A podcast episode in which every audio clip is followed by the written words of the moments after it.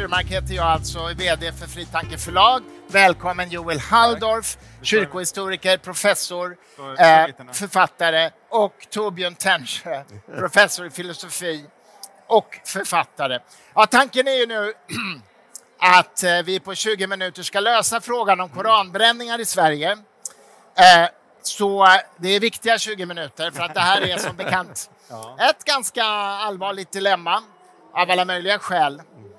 Ehm, först och främst kan det vara intressant att veta att just nu, as we speak, så har in, huvudförhandlingarna inletts i Jönköping, tror jag det är, angående en koranbränning som skedde i Linköping, eh, där man ska bedöma huruvida det här kan klassas som hets mot folkgrupp eller inte. Det är första gången som koran, en koranbränning bedöms eller ska så att säga bedömas om det kan vara hets mot folkgrupp eller inte.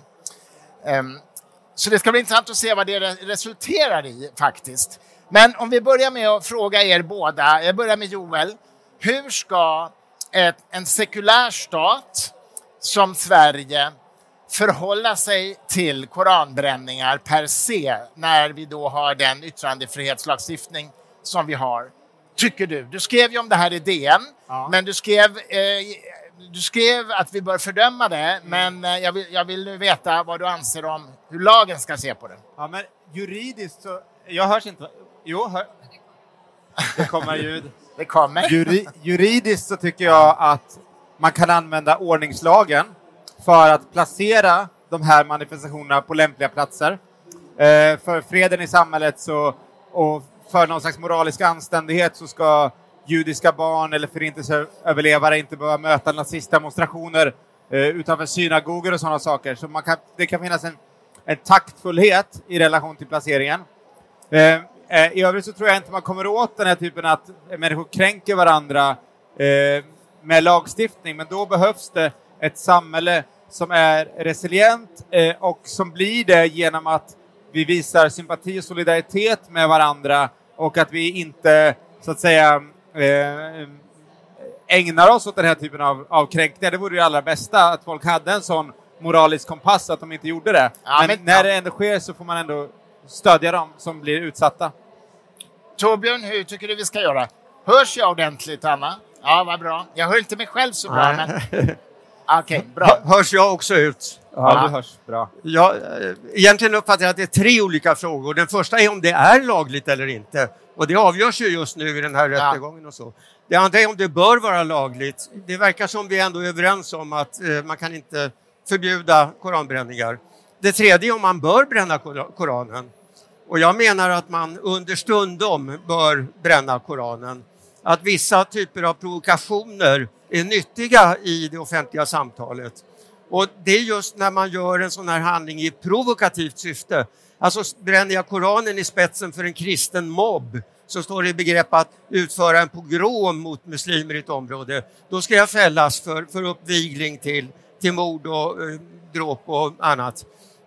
Men om jag gör det för att provocera fram en reaktion som belyser någonting hos motparten.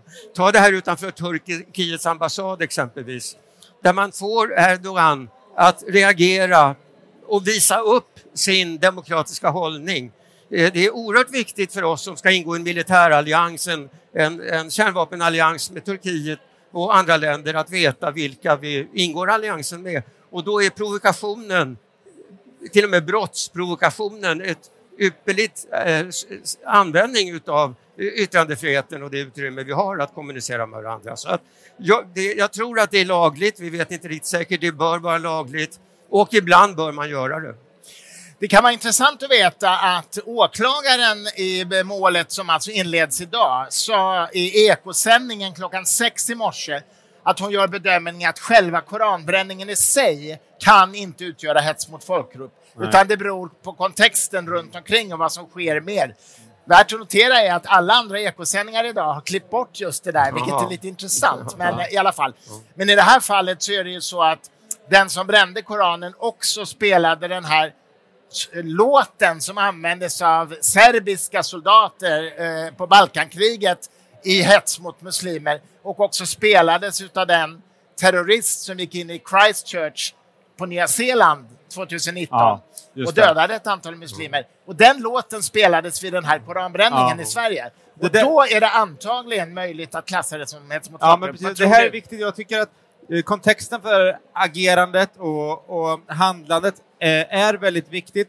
Det finns en skillnad i eh, hur pass ett, eh, en handlingsmoraliska värde som är kopplad till intention, som du är inne på, och det ekosystem av andra typer av handlingar och manifestationer som det ingår i, och där, där det kan vara, där man kan se till exempel att ja, man kan tänka sig en rad hypotetiska situationer där det i alla fall är mindre klandervärt eller till och med kan finnas en poäng med eh, den här typen av provokationer. Där, där är jag med dig, även om jag tror att det kan finnas eh, mer konstruktiva sätt att göra det på. Men det är också, tycker jag, en viktig fråga hur ett, en sån här handling landar i samhället som helhet. Och här tycker jag att den svenska debatten har varit väldigt fixerad vid eh, juridiken. Är det tillåtet eller är det inte tillåtet? Och vi har ju en rättspositivistisk tendens i det här landet som är att om någonting är tillåtet så uppfattar vi också att det ska vara moraliskt. Och, och om, vi, om det inte är tillåtet så är det juridiken som är det sätt som vi kommer åt det. Men här menar jag att det man såg kring koranbränningen när civilsamhället slöt upp hade en lugnande effekt, en samlande effekt, visade människor som satt sig utsatta av den här handlingen genom sympatiyttringar för Svenska kyrkan och sådana saker, eh, att det här är inte samhällets syn på muslimer. Då tog det udden av handlingen på ett sätt och den fick inte den provokativa laddning och där tycker jag det ligger en viktig eh, lärdom i den här situationen, hur samhället eh, sluter upp när det hetsas mot en minoritet som det har gjort i det här fallet. Ja, men vad är skillnaden egentligen i det ni säger här undrar jag? För att vi, det, det är ju ändå så att det är lagen i, till syvende och sist som ska utdöma ett straff eller inte ja. för handlingen. Så om vi lämnar moralen åt sidan men, för ett ögonblick. Men jag är också beredd att tycka att det här fallet lutar nog åt att man borde utdöma ett straff ja. med tanke på den här Christchurch-associationen och så vidare. Ja. Men här ser jag en risk, för du pratar om rättspositivism och så vidare. Jag tror att det finns en stor risk att man tvärtom eh, på politiska grunder och så eh, ändrar användningen av den befintliga lagstiftningen. Och jag tycker hela den här lagen om hets mot folkgrupp är väldigt problematisk. Den innehåller två moment. Dels om du hotar några med hänvisning till deras eh, gemenskap och så vidare i religiöst och annat hänseende. Dels om du talar nedlåtande om en sån gruppering. Och det var det jag sa till Christer, att jag tror att jag har gjort mig skyldig till hets mot folkgrupp i en intervju en gång när jag sa att jag känner ett lätt förakt för religiösa människor. Kan man tänka sig något mer nedlåtande om en grupp på grundval av deras trosbekännelse. Ja, Om vi går på lagens bokstav så borde jag dömas för detta uttalande. Så att jag ser en risk i den här lagparagrafens gummiartade karaktär. Och nu finns det en stark press på Sverige att antingen med ordningslagens medel försöka eh, hålla tillbaka det här. Jag läste just Karl Gerhards eh, memoarer. Mot honom använder man ju ordningslagen just för att, att han störde relationerna till Nazityskland. Eller att man vill då vidga så att säga, tillämpningen av det här med hets mot folkgrupp. Jag, jag ser med obehag på båda de där manövrarna, men med, med stort behag på det du säger i övrigt. Att vi ska möta det med, med, med, med en social interaktion och försöka förstå varandra och diskutera med varandra. Ja. jag tror att hetslagstiftningen handlar ju om att göra, den vilar ju också på en historisk erfarenhet som vi har sett liksom, i den västerländska historien, men också i länder som Rwanda och så vidare, där eh, ord kan användas för att just hetsa mot minoriteter och att steget mellan ord och handling är inte så långt. Jag tänker att ibland så vi som rör oss mycket inom akademin och universitetet, vi är vana vid teoretiska resonemang och så vidare, men den historiska erfarenheten är ändå att om du talar nedlåtande med, eh, mot en grupp på ett sätt eh, så att för mig, så, för att den ska bli relevant, så tycker jag att det ska finnas ett, ett moment av, av uppmaning till till våld i, i, i det, då tycker jag att det tycker jag ska ligga i den, i, den men, men, Joel, men Joel, i Danmark vill man ju instifta en lag som faktiskt förbjuder olämplig hantering av religiösa skrifter och symboler. Ja. Hur ser du på det? Jag tror inte att lagen kan komma... Jag, jag, jag tror att la, juridik är ett väldigt klumpigt medel för att komma åt typer av handlingar. Det kommer alltid finnas eh, glipor och, och eh, eh luckor i en lagstiftning. Så att jag tror inte, det, det, kommer riskera att slå alldeles för hårt mot, eh, mot konstnärliga manifestationer, Ja. eh, mot satir, mot religionskritik som kan vara legitim. Det finns en rad saker som den kan slå emot. Så att jag, jag, jag är inte, jag tycker, och för mig är det så, och jag vet inte om det ha- har med att, man är, att jag är religiös, att vad lagen säger är ganska ointressant. Alltså moralen är ju kopplad till religionen för mig, och det är det viktiga, och det är det som jag förhåller mig till. Och, och lagen får en sekundär eh, vikt i, i den relationen. Fast lagen har ju en betydelse i, sekulär, i en sekulär stat. Ja, ja det Eh. får det. Det, det, är det, är- det, det, det är statens, ett av statens verktyg. Ja. Sen tycker jag att politiker kan vara tydliga i att visa ett moraliskt ledarskap och att när, när Jomshov gör sina uttalanden Eh, man, att man ser där från de andra politikernas håll att här kommer ett hetsande som kräver att andra politiker behöver markera tydligt sympati med en utsatt minoritet. Men, men du, du, ni håller väl båda med om att Jomshofs uttalanden om diverse brister hos profeten Muhammed kan väl aldrig vara hets mot folkgrupp? Ehm, det, jag, jag, Oavsett vad jag, man har säger inte, om jag, har inte, jag har inte gått igenom alla hans yttranden, men det är inte mitt intryck att det är hets mot Alltså den, folkgrupp det han säger. Den, den distinktion som är viktig här är ju om man uttalar sig nedlåtande om en religion, det får man göra, Ja. om ett åsiktspaket och även om en profet, antar jag. person, ja. Historisk person. Ja, det är det jag menar. Och dessutom är väl en hel del av det han sa sant om, om denna historiska person. Ja, tveksamt. Ja, okej. ja, du, Det spelar nog ingen roll i och för sig. spelar egentligen ingen roll. Men, Ja. men, men, men det, eh, eller om man gör det om en grupp som omfattar de här uppfattningarna. När jag sa att jag föraktar religiösa personer, då pratade jag om gruppen. Mm. Så då tror jag bokstavligen har levt upp till rekvisitet i den här Ja. lagen egentligen. Jag betraktar sekulära med milt överseende. Ja, okej. okej. Det, det, det, det balanserar på gränsen skulle jag säga. Mot folkgrupp? Ja, det är bra. Ja, nej, men, Är det ens en folkgrupp? Men den, den stora som förenas av en trosbekännelse, det är det som är en grupp av människor som förenas av en trosbekännelse. Det är också etniska grupper och så, och så vidare som räknas upp och raser talar man också om i, i lagen. Men, men, men nu tänkte jag när det gäller just trosbekännelse, Men den gruppen. Ja, förlåt, nej, fortsätt.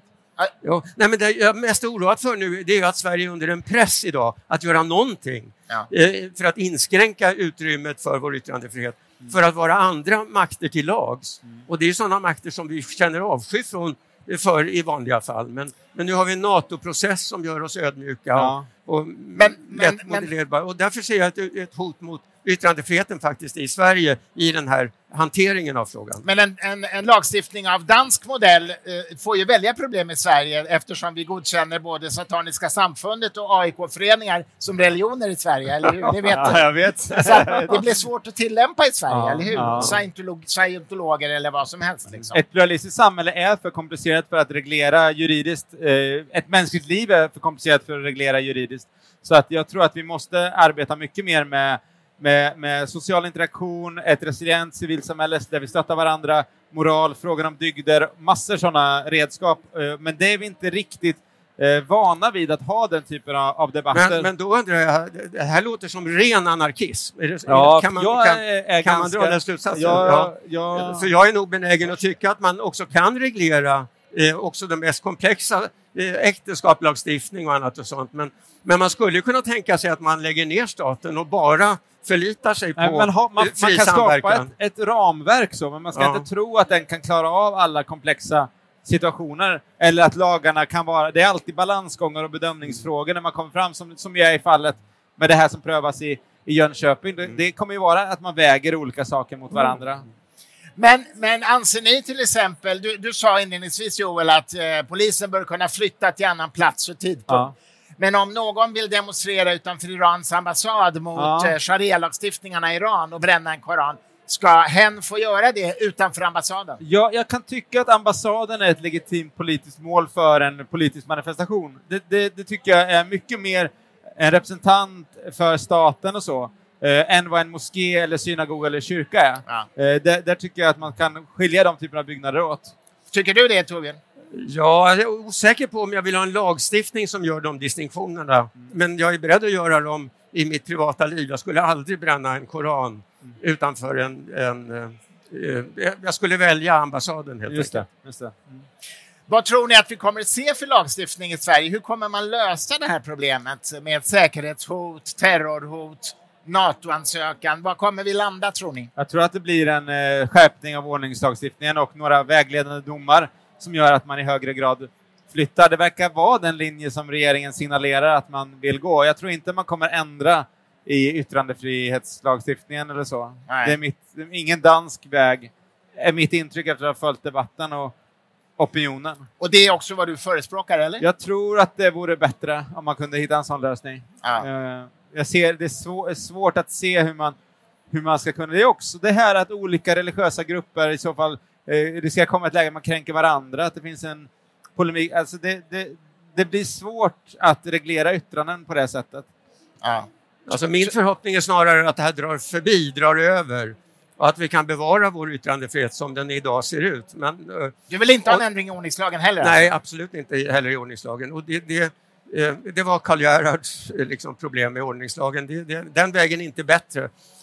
Utan den väg är bäst som Joel egentligen mest har förespråkat här. Den informella vägen, att, ja. att lära sig handskas med konflikter inom vårt samhälle på det sättet. Och där tror jag... Men också kunna uttrycka starka känslor gentemot mot förtryckande regimer. Du är alltså överens med en religiös person? ja. Jag vill bara notera det.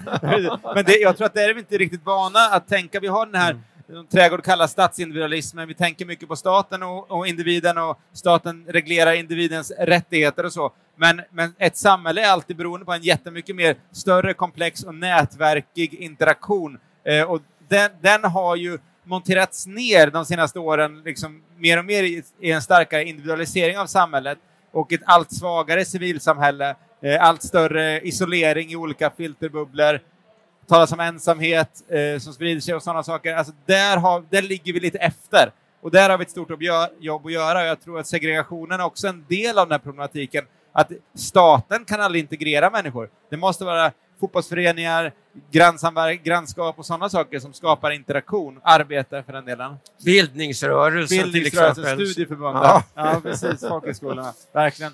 Men det har ju varit ganska spretiga förslag i den svenska debatten. Det var väl någon eh, kulturperson som ville förbjuda brännandet av alla böcker överhuvudtaget. Ja, just det. Om jag minns rätt, vilket gör det väldigt jobbigt för ett förlag som består av lager som behöver eh, faktiskt ja. makuleras. Eh, till då de här som vill eh, förbjuda kränkning av av religioner specifikt och sådär. Det ja. blir otroligt svårt att navigera. Men de flesta, det är väldigt få som är för förbud, är mitt intryck. Alltså att, ja. eh, jag var på, Expressen och debatterade, de kunde, hade svårt att hitta någon som är för förbud. Det är väl en person egentligen. Det är så intressant, jag måste berätta. Jag, jag träffade för ett par veckor sedan en eh, jag hade en långt samtal med en salafist som hade studerat tio år vid universitetet i Medina vid eh, Sharia-fakulteten.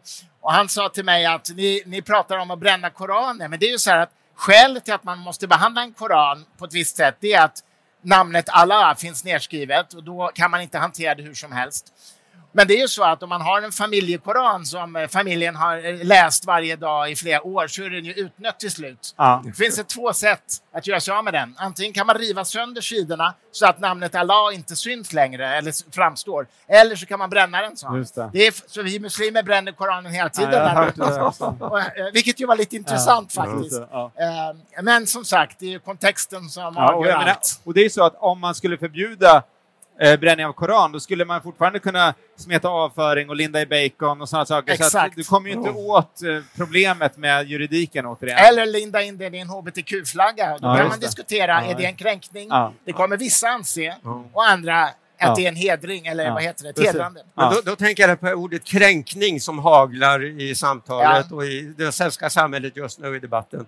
Jag tror att eh, också där tror jag Joels strategi vore den bästa, att vi mm det som jag gissar i alla fall är att, eh, att vi måste bli mera vana vid att hantera sånt också. Ja. Inte bli så upprörda över, över det som Ja, men det fungerar ju egentligen bara om någon blir upprörd. Du kan bara provocera fram den där typen ja. av reaktioner om någon har en enormt förhöjd bild av sig själv och ja. lättkränkt och så vidare. Jag tror att vi ska också bli mera, eh, jag hatar ordet ödmjuk, va? finns det något annat uttryck för detta? Nej, det, Men att, säga det. Att vi, Okej, okay, jag säger det, jag säger det. Att vi ska tåla mera ja. helt enkelt i, ja. i den vägen och lära oss och träna på det. Att vara civiliserat oense som ja, visst. jag sagt. Jag tycker att det, det är också någonting i att göra, i att så religionsdialog och sådana saker är bra. Men jag pratar också med muslimska vänner om att vi borde också ha lite mer diskussioner och debatter där vi också visar som kristna muslimer att vi kan vara oense om viktiga frågor men fortfarande respektera varandra. Det tycker jag är, är väldigt önskvärt. Då.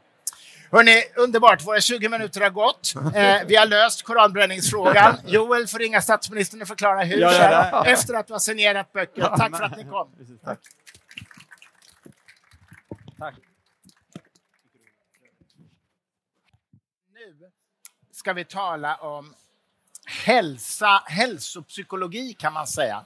Rubriken är Själen är kroppens fängelse.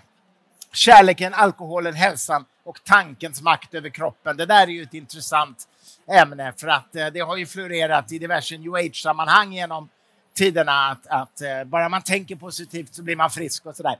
Det är inte riktigt det vi ska tala om kan jag eh, försäkra er om. Men vi har i alla fall Mats Lekander här som är professor i hälsopsykologi, författare till boken Ditt inre liv som just handlar om hälsopsykologi.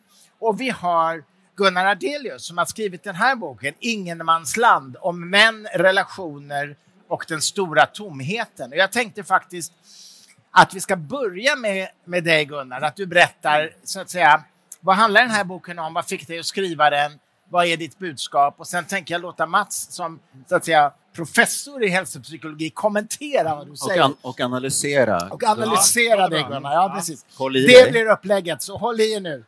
Varsågod Gunnar. Tack så mycket. Ja, men det blir väl så här att eh, Mats, du får stå för, eh, som du sa, hälsan i det här samtalet och då får jag stå för ohälsan då. Ja.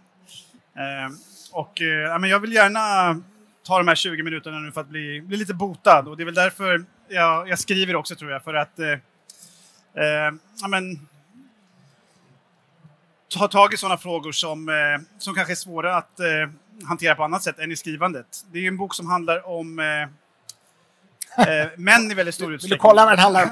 ja, jag skulle bara se att den var där. Ja, ja, ja. Den handlar om eh, det är ett gäng essäer kan man säga.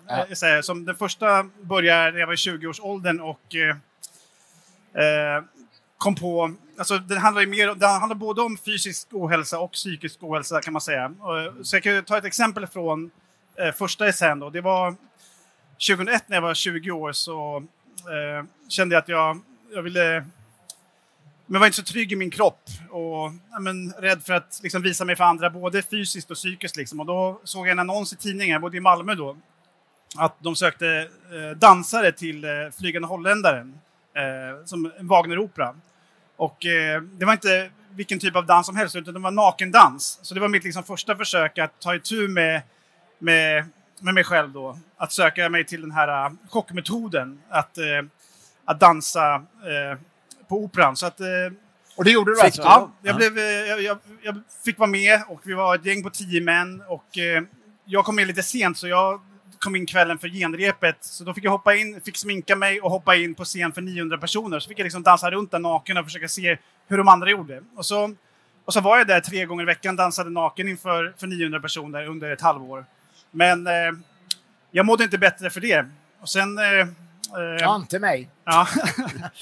Eh, sen fortsätter det med lite olika försök jag gjort då, eh, med att bli vuxen och att, att, lösa mina problem på olika sätt. Och en av eh, essäerna handlar om att eh, när jag var i, ja, för 16 år sedan så, så blev jag nykter och var på en eh, öppenvårdsbehandling på, på Maria i Stockholm. Och, och där, där hände det ganska mycket att jag eh, ja, de sakerna jag kanske hade försökt ta itu med på lite konstiga sätt innan hittade jag verkligen ett sätt som funkade där då. Eh, när jag slutade dricka så, så var det så, så funkade livet bättre på andra sätt. Men sen, eh, sen blev jag pappa och då var det, då var det svårt igen att, eh, att vara människa. Så det handlar ganska mycket om föräldraskap också på olika sätt. Och, eh, på vilket sätt var det svårt tyckte du? Vad hände i dig när du blev förälder och pappa? Ja, men det, som, eh, det som hände var väl att det, det var mycket mer ansvar, svårt att vara, vara närvarande, svårt att... Ja, men kanske en vilja. Det är därför det heter ingenmansland. Alltså, det kanske fanns en vilja att vara och en tanke om att vara en ja, en eh, jämställd förälder på något sätt. Men eh, ja, det visade sig liksom att de förebilderna jag hade liksom själv med en frånvarande pappa inte var så, så bra. Och eh, liksom, den nya mannen som jag, som jag ville bli var inte riktigt född. Så det var, det var en, eh, ja, en skarv där mellan, ett ingenmansland kan man säga helt enkelt. Mm. Så det är väl eh, några, ja, några meningar om vad boken handlar om. Då. Ja. Mats, du, när du har jobbat med hälsopsykologi, har du stött på den här typen av så att säga, hälsofrågor som vi hörde just nu om nu? Som är mer psykiska så att säga, brottningar eller vad man ska kalla det? Ja, men jag tror det. Eh, inte som jag har jobbat med direkt, men det är väldigt relevant. för vi jobbar ju till exempel med eh, mild till måttlig psykisk ohälsa, sånt som primärvården har i uppdrag att ta hand om. Och då, då, försöker vi få den att bli evidensbaserad och ta fram program och visa vilken kunskap vi har kring det.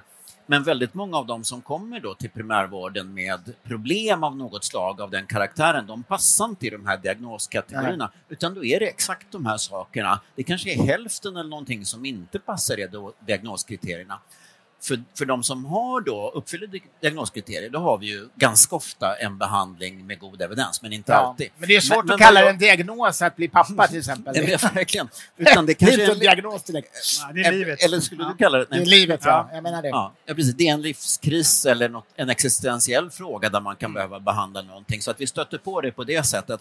På det sättet är det ett problem för oss lite grann, så här, för det är mycket enklare när folk passar in i en, någon slags kategori, så här, det här är det här.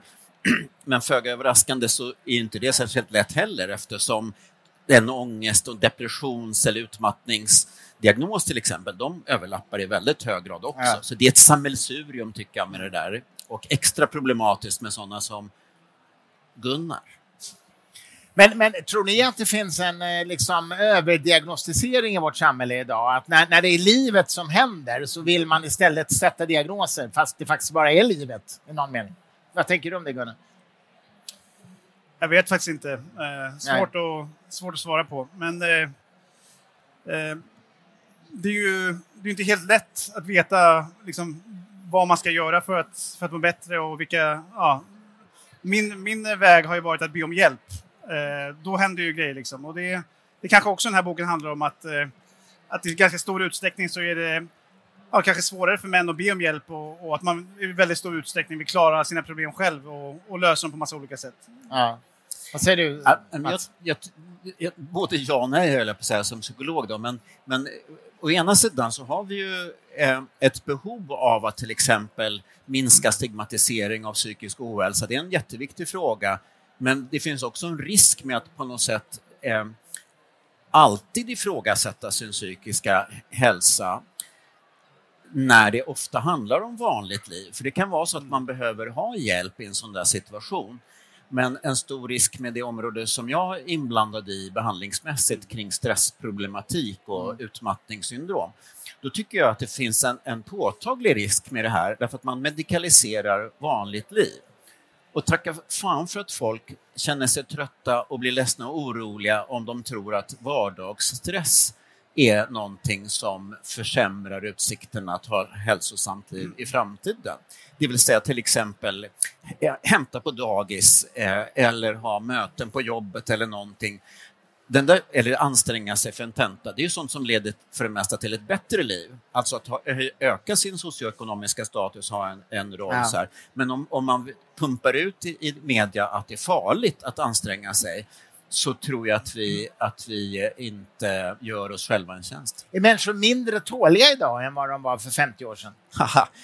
ja, från 18, alltså det fanns en, till exempel 1869 kom det en klassisk artikel så här att den nya tiden, det går så snabbt och, och symptomen är trötthet, nedstämdhet, det är smärtproblematik och så. Alltså exakt samma eh, diskussion som vi har nu. Så, ja. att, så det är lite legio tycker jag med att betrakta den nya tiden som eh, som värre än den tidigare. Vi kan inte se det tydligt i försämrade arbetsförhållanden om vi tittar Nej. medelvärde. Mm. Eh, sen eh, folk använder inte ordet stress konstigt nog mera nu om vi utnyttjar Googles sökstrategier. Eh, och, och eh, sen, sen 80-talet så har det stått stilla. Men det finns någon slags idé om det som ändras. Ja. Du, du skriver ju om när du tog hjälp med alkoholen och blev nykter så att säga. På, vad skulle du säga, vad, vad, var den påtagliga skillnaden när du faktiskt tog tag i det problemet, före och efter? På vilket sätt ökade livskvaliteten? jag tror att den handboken handlar också ganska mycket på det stora hela om att vara, eh, apropå lösningar och sådär, att vara en, eh, en skrivande människa, hur man kan eh, hur man kan söka hjälp och få hjälp i, i litteraturen och sådär. Och Eh,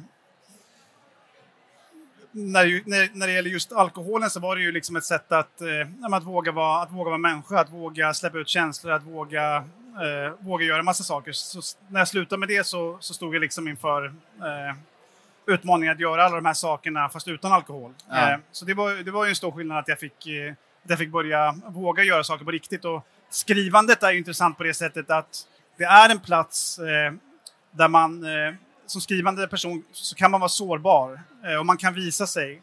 Men man är samtidigt gömd, man är samtidigt skyddad. Och det finns ju en eh, tendens då, jag debuterade ganska tidigt liksom och skri har skrivit väldigt mycket om Ja, det är lätt att tro att man som författare skriver om det som man är expert på. Du, du gör det i och för sig. Men eh, mm jag gör lite mer så att jag skriver om det som jag inte vet så mycket om, det som gör mig osäker och det som gör mig rädd och sådär. Så i stor utsträckning har jag skrivit om relationer och om kärlek och sådär och utforskat det, den platsen eh, i mig via skrivandet. Söker och, du dig då mot skam till exempel? Absolut, absolut. Och det känns ja. obehagligt men, men du gör det? Och då, absolut, men då är det också lätt att man får en övertro att man, att man kan någonting om saker bara för att man har skrivit om dem. Men mm. eh, sen är det en väldigt stor skillnad att, att, eh, att leva sitt liv i praktiken och det var väl det som blev väldigt tydligt när, när jag verkligen fick en nära relation i nykterheten och blev förälder och så vidare. Att eh, ta tur med alla de där sakerna i verkligheten. Det var en ödmjukande upplevelse. Men Mats, du, du, har ju du har ju tittat mycket på hur psyke och kropp samspelar så att säga. Vad är de vanligaste missuppfattningarna om det eller myterna kring det? Jag nämnde ju en inledningsvis, den här new age-grejen att tänk bara positivt så blir allting bra. Det är väl en sån myt. Men vad finns det mer för myter? Kanske? Alltså, en myt är ju att psyke och kropp samspelar, som du just hävdade. Okej, okay, det gör de inte alltså? Förstår du vad jag menar med det? Eller menar du den perifera kroppen och hjärnan? Jag, jag menar att psyk och, alltså, psykisk och fysisk hälsa hänger samman, påverkar varandra. Ja, det gör det. Precis. Men det jag menar med den där lite näbbiga kommentaren. Ja, ja, berätta. Det är ju att, att kroppen inklusive hjärnan, det är ju psyket. Ja, ja, ja, okay. Det är bara det jag menar. Ja, jag fattar. Eh, det vill säga, vi har lätt, samma sak. vi har lätt för att uttrycka oss dualistiskt ja. med, i, i kartesianskt dualistiskt perspektiv. Ja, det. Och det gör att vi sen ofta har hälsomodeller där vi delar upp någonting i psykisk hälsa och somatisk hälsa. Det är väldigt olyckligt ja. att dela på de där sakerna.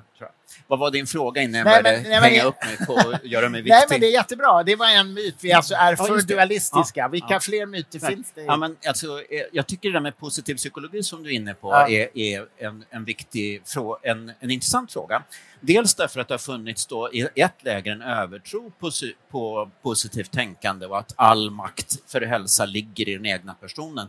Mm. Eh, ända från till exempel när jag var, gjorde min avhandling på Radiumhemmet i Stockholm, då, då, träffade jag jättemånga patienter som läste en bok som handlade om exceptionella cancerpatienter. De var duktiga, de tänkte sig mördarceller som angrep de här tumörcellerna och det här var vägen till att bli frisk. Och många patienter mådde dåligt därför att de trodde att cancern berodde på deras dåliga fighting spirit. Mm. Så det är liksom en slag, en sida av den där som är väldigt olycklig.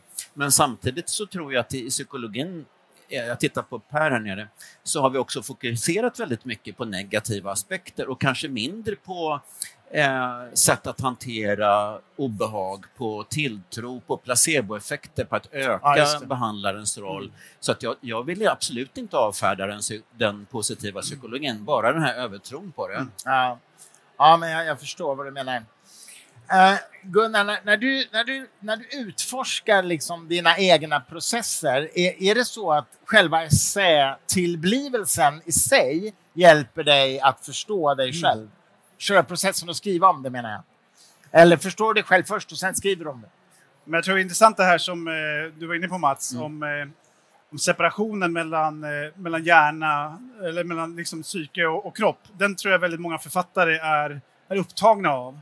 Alltså att man, många är nästan som, eh, som eh, hjärnor i glasburkar liksom. Eh, som är ute och rör på sig. Och kroppen har man ofta en, en mer problematisk relation till eh, som författare. Man brukar också säga liksom så här att, att läsa en bok och sen träffa författaren, det är som att äta gåslever och sen träffa gåsen. Alltså den personen som, eh, som har skrivit boken eh,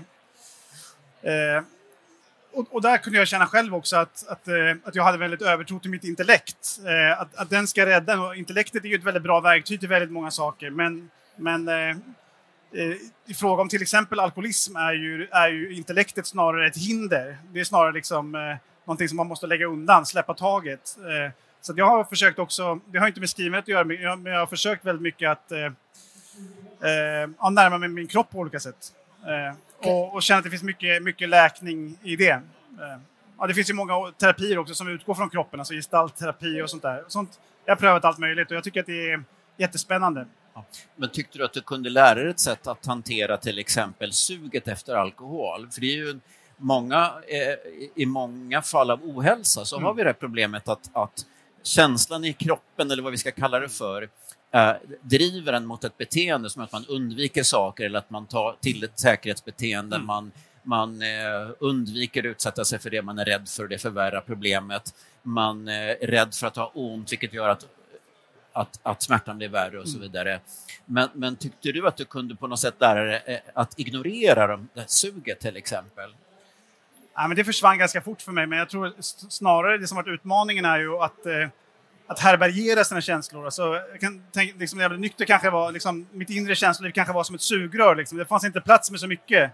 Om man kände någonting så skulle det genast ut igen. Så att ut, utmaningen liksom varit att utvidga den, den delen, att liksom härbärgera känslor av till exempel obehag, smärta, eh, alltså väldigt mycket separ alltså separationskänslor, övergivenhetskänslor har jag, har jag märkt att har varit väldigt starka hos mig som hänger ihop väldigt mycket med, med alkoholen, alltså känslan av, mm av övergivenhet på olika sätt. Mm. Så det kan, man ju, det kan man ju läka.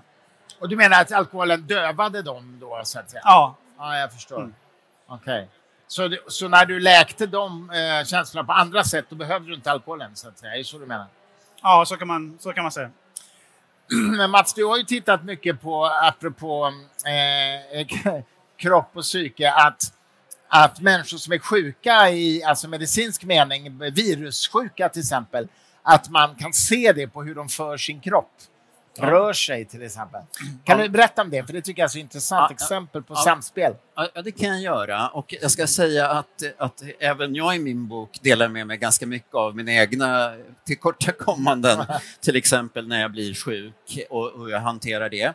Eh, inklusive när jag gör mig själv sjuk. Och vi har en modell där vi sprutar in ett bakterieämne i människor ja, så att man får en inflammationsreaktion som liknar den när man får en, en, på, en, liksom en kraftig förkylning eller en influensa. Ni vet hur man känner sig och kroppen protesterar och man får ont och man blir ledsen ja. och tycker inget är kul och så här.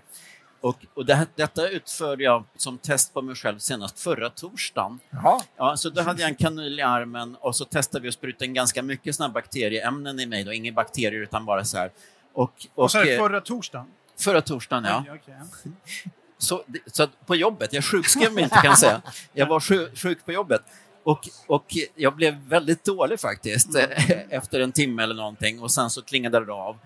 Men, men då, då, kände jag den här reaktionen i kroppen. Det, det, är en uppenbar signal från ute i kroppen, för det går in i blodet, upp till hjärnan. Det tar en timme för den här signalen att nå mig. Och då kände jag hur, liksom, nu låg jag ner för det mesta, men hur jag kryper ihop på det här sättet.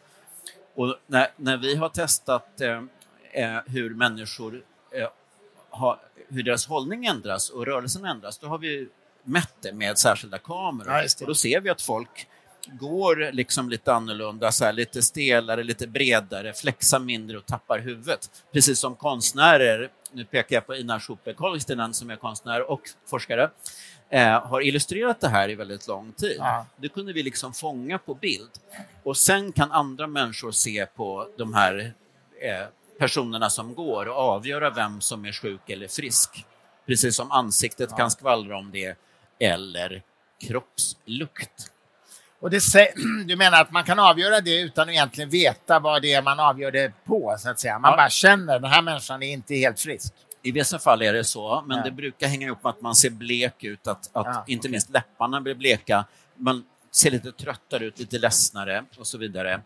Och det här tycks då skvallra om det, precis som den här hållningen eller kroppslukt. Men lukten den kan vi ge samtidigt som vi visar ett sjukt ansikte och då kan lukten vara så svag så att man inte är medveten om den. Aha. Men den puttar ändå emot att man tycker mindre om en person som ser lite sjuk ut. Men kan inte hundar känna doften av cancerceller och sådär? Ja. Så det går att lukta till sig också? Ja, det gör det. Och då är det ofta en utvecklad sjukdom. Mm. Vi tänker lite grann att när man håller på att bli sjuk, då är det väldigt fördelaktigt, eller att någon annan håller på att bli sjuk. Då smittas man ju mycket i början. Och om man då kan ana att någon är, håller på att bli sjuk, får en infektion, så är det fördelaktigt. Så det är liksom en signal till hjärnan och sen någon annan kan uppfatta det socialt. Extremt det. intressant. Hörrni, vår tid är faktiskt redan ute nu. Det går fort detta. Men eh, Ingenmansland finns att köpa i, eh, ja vadå, i Volantes monter förstås. Ja, här bakom hörnet. Ja. Precis bakom. Du signerar den där säkert. Absolut. Och eh, Mats bok finns förstås här. Fri tanke, ditt inre liv, allt ni vill veta om ert inre liv. Tack för att ni lyssnade och tack för att tack, ni kom. Tack. tack så mycket. Ja, vi är igång. Välkomna till Fri Tankes monter och eh, ett samtal om incels och volcels. Som alla säkert vet vad det är. Vi pratar alltså om män som är frivilligt eller ofrivilligt utan relationer Eh, av det intima slaget.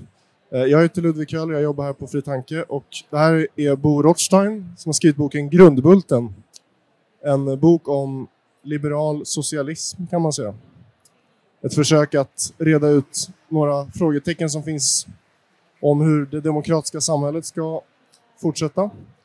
Och sen har vi Peter Ueda som är läkare och epidemiolog och har skrivit boken Man går sin egen väg om riktningar i sexlöshetens dimma. Och jag tänker att vi börjar där på en gång. Vad är sexlöshetens dimma egentligen? Peter?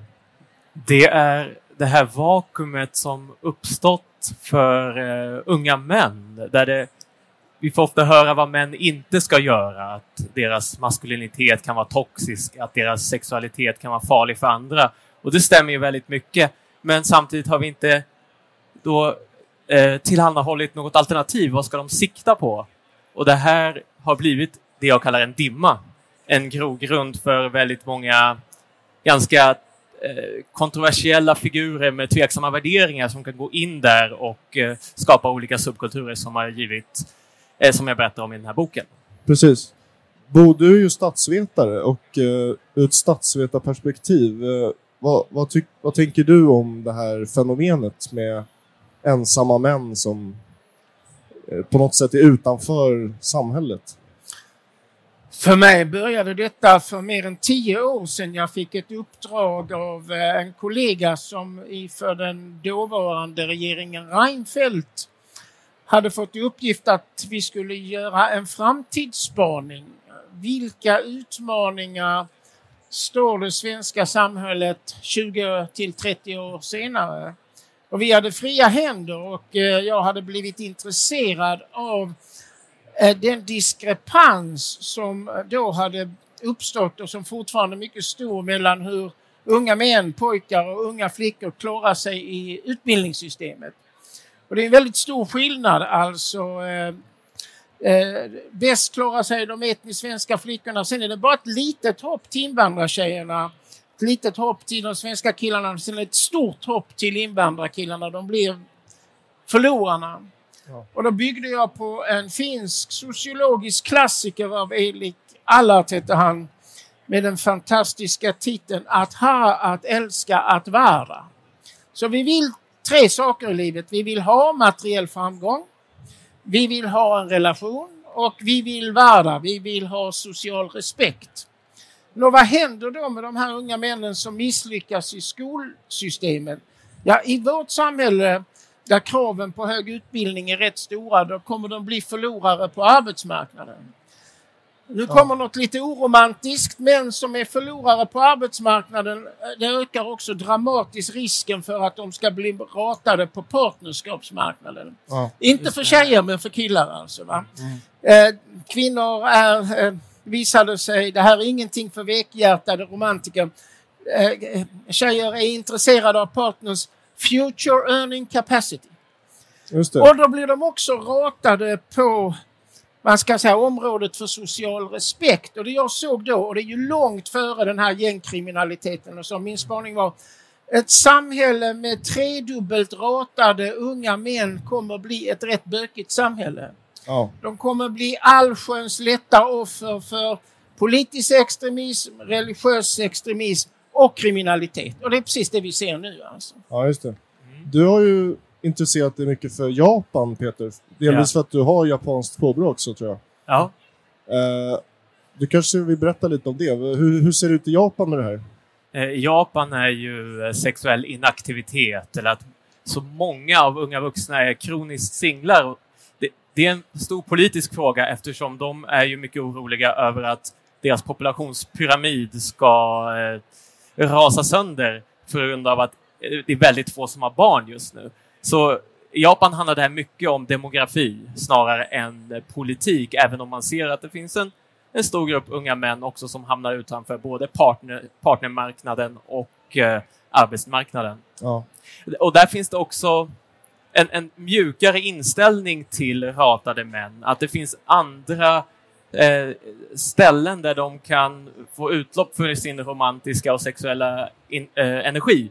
Som eh, de har en hel industri som kallas pseudoromantik eller digisexualitet där män kan eh, ha eh, relationer med, med uh, tecknade figurer eller så. så. Och det här är väldigt en stor subkultur. Så att det inte är lika kontroversiellt ämne och inte ja. lika jobbigt att prata om i Japan som det är här i Sverige och, och framförallt i resten av västvärlden. Jag, jag tänker att uh, i Sverige så finns det också många som har liksom, fiktiva relationer på nätet och så. Att man kanske går in i sådana rörelser som eh, någon slags manosfär eller så. Eh, ja, manosfären, det, det, är ju en samling framförallt män som, som samlas på nätet och de har olika inriktningar men, men förenas i att deras syn på att feminismen har gått för långt, att eh, avvecklingen av monogama normer har gjort att det blivit en, en fri marknad och den här fria marknaden ger upphov till stora ojämlikheter i sexuell aktivitet, framförallt hos män för att ja, kvinnor är, mer selektiva när det handlar om partnervalen. Men, men, men så kommer de upp med olika lösningar på det här problemet och, och då kan man gruppera dem i olika grupper i manosfären. Mm. Eh, så, så det är inte fiktiva relationer, men, men det är ett annat uttryck av det här problemet. kan man säga. Ja, just det. Men Bo, eh, hur, vad ser du? Eh, du var med i en utredning då, eller tog fram förslag, eller? Du gjorde en prognos över hur det skulle se ut. Jag gjorde bara den här prognosen att om man inte gör någonting åt det här problemet med att unga pojkar eh, tappar så väldigt mycket i samhället, då kommer vi hamna där vi är nu, alltså ja. 15 år senare. Ja. Med den här, eh, alla blir naturligtvis inte kriminella, men Nej. det finns ju en sak som enligt erfarna poliser utmärker alla i den här gängkriminaliteten. De är alla underkända i skolan. Och det stora problemet här det vilar på våra kollegor inom pedagogiken. Framförallt forskarna alltså. För jag var på dem och sa ni måste ju ta fram någonting som gör att de här unga pojkarna inte misslyckas i skolan. Vi har 140 professorer i pedagogik. Men det var en blank tystnad. Och väldigt många, framförallt tyvärr de som var inriktade åt genusforskning, sa det är inget problem därför män har varit så privilegierade i flera hundra år så att, att män nu tappar det egentligen bara bra. Va? Och min svar på det var varför ska de här unga killarna straffas för vad min generation har ställt till med? Va? Så jag menar det var en förfärlig idé som de hade. Och vi ser ju detta idag alltså. Eh, på universiteten är ju nu på alla de klassiska utbildningarna eh, med hög prestige, läkare, jurister, ekonomer, där har vi nu två tredjedelar kvinnor alltså. Det är naturligtvis bra, men de här unga killarna kommer ställa till problem. Det såg jag redan då. Det är precis vad de gör idag alltså. Ja. Och det blir ju inte bättre av att vi nu har infört ett fullständigt omänskligt betygssystem. På min tid så kunde man få ett dåligt betyg, en etta. Men nu blir ju de här unga killarna stämplade i pannan. Poff, ni är underkända. Ja, alltså vad är det för ett samhälle som stämplar 15 procent av barnen i samhället som icke dugliga? Det får till följd att de inte kommer in på någon gymnasieutbildning och de får inte heller något jobb. Vad ska de syssla med? Ja, det är ju rimligt att man då vänder sig till det kriminella systemet. Där finns ju något att göra alltså. Man tjänar dessutom bra med pengar på det. Ja, precis. Men nu, nu har ändå du kommit ut med en bok Peter och jag tycker det är ganska mycket samtal här på Bokmässan som handlar om det här så det känns som att det har skett någon slags eh, kursomläggning hur man ser på det här eh, fenomenet.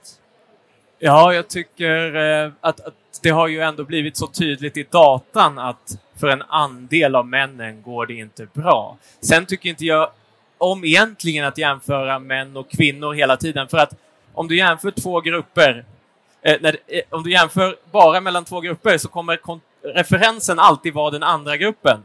Så eh, låt oss säga att 10 procent av männen är deprimerade, 15 procent av kvinnorna är det. Betyder det att det går bra för männen och dåligt för kvinnorna? Men om 20 procent av männen är deprimerade och 15 procent av kvinnorna är deprimerade, går det då dåligt för männen och bra för kvinnorna? Eh, det kommer aldrig vara exakt lika och jag tycker istället man ska bestämma hur stor andel i en viss grupp är något vi kan acceptera och sen egentligen diskutera varje grupp för sig. Mm. För att när man ramar in de här problemen som ett nollsummespel mellan ska det gå bra för kvinnor eller för män? Det är då det blir lite så här äh, svårt att prata om det. det. Så istället för att säga nu ska vi hjälpa pojkar eh, att, att klara sig i skolan så tycker jag man kan säga nu ska vi hjälpa dem det går dåligt för att klara sig i skolan och då kommer, och då kommer det vara fler pojkar än, än tjejer kanske som kommer in i de här programmen. Mm. Men eh, genom att använda kön som en indikator för något annat så, så tror jag att man försvårar debatten ibland. Men sen finns det saker som är väldigt specifika för pojkar och för kvinnor, äh, för tjejer. Så att det, är, det är både och, men jag tycker inte man ska alltid jämföra. Nej. Det är ju inte...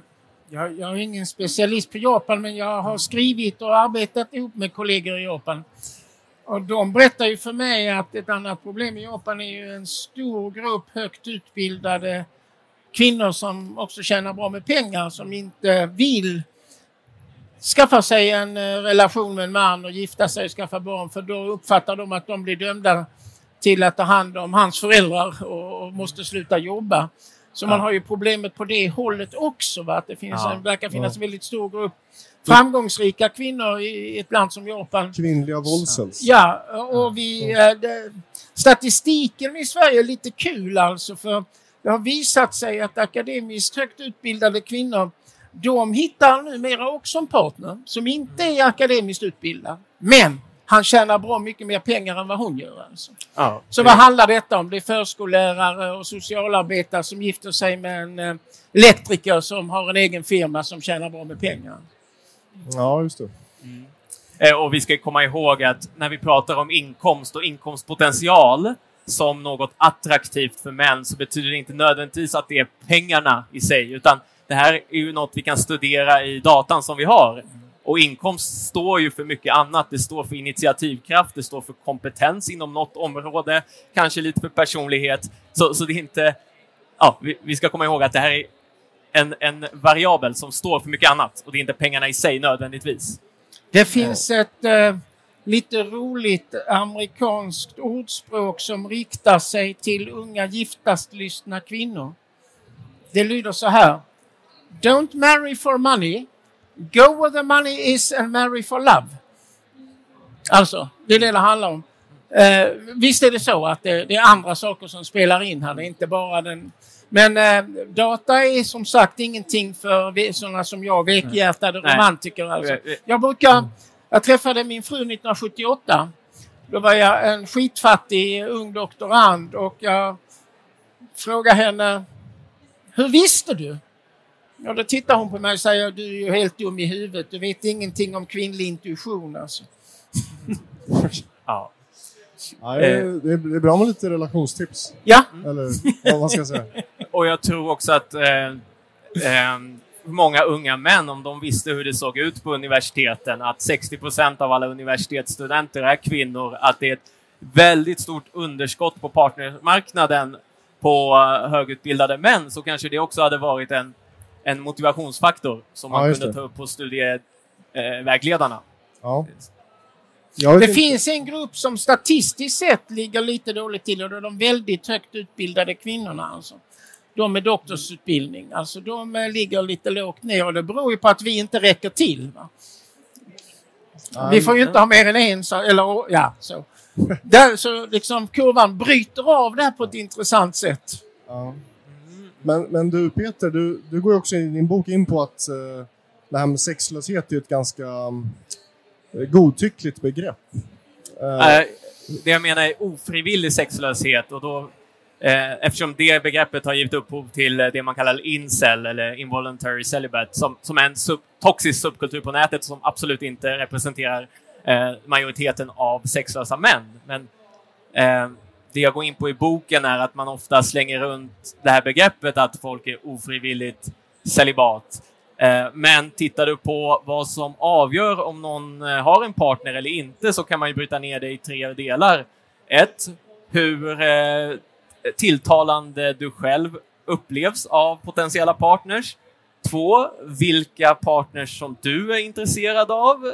Du kan ha olika kravspecifikationer där som påverkar. Och sen tre, utbud och efterfrågan måste ju mötas så du kan inte bara sitta och göra ingenting.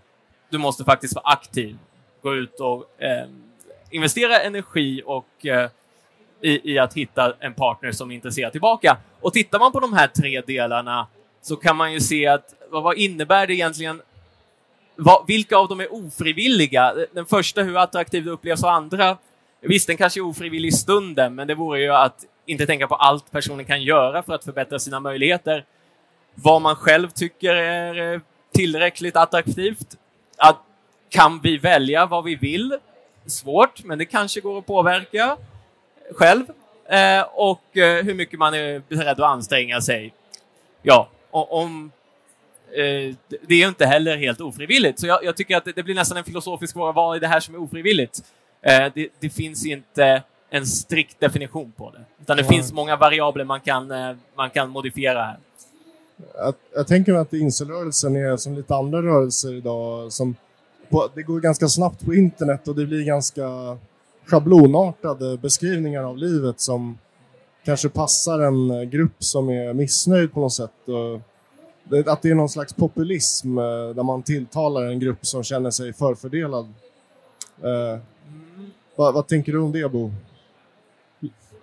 Ja, det är klart att man kan se detta som ett fördelningspolitiskt problem så att säga. Men vi har ju inga möjligheter att intervenera här politiskt. Det vi kan göra är att se till att unga män eh, eh, inte kommer så väldigt mycket efter i utbildning och arbetsmarknad som ja. vi har gjort nu. Va? Därför att eh, de här som är underkända Alltså tidigare så kunde man även om man gick ut i dåliga betyg komma in på någon yrkesutbildning, bli eh, elektriker, golvläggare och sådär. Det är ju dessutom en enorm efterfrågan på sådana jobb. Ja. Men idag är det stängt på grund av den här i mitt tycke idiotiska idén att alla måste ha högskolebehörighet. Det är ju en slags drömidé. Va? Ja. Och det innebär ju att de är ju utestängda från den här typen av utbildningar också. Så, och de får inga jobb. Det är nästan ingen som anställer någon som inte har en gymnasieutbildning. Vi pratar om 15 procent av de som är barn alltså. Som det här samhället väljer att stämpla som du duger inte. Va? Det är klart att det, inte, det är en väldigt oförnuftig idé. Va? Uh, och så man, så här, där finns ju möjlighet att göra. En annan sak man kan göra, visar den experimentella forskningen som jag har tagit del av, det är om vi ser till att folk upplever mer fara. Om man upplever mer fara uppfattar man en partner av det motsatta könet som mer attraktiv.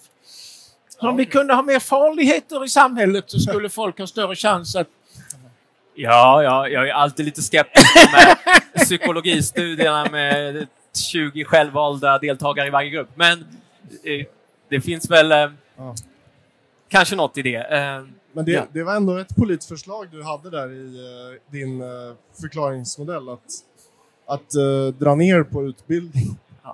Men, eller, det, det dra ner jag... på yrkes... Ja, ja alltså man måste ju ge unga människor som inte är teoretiskt orienterade en vettig chans att hitta ja. ett bra jobb. Ja. Och det är ju inte det att, alltså den här typen av arbeten som icke-akademiska, ett, man tjänar idag väldigt bra med pengar på dem om man, man har lite tur. Och två, eh, det finns en enorm efter, det finns ju brist i alla de här elektriker, golvläggare, kallskänka. Vi är enorm brist på folk här.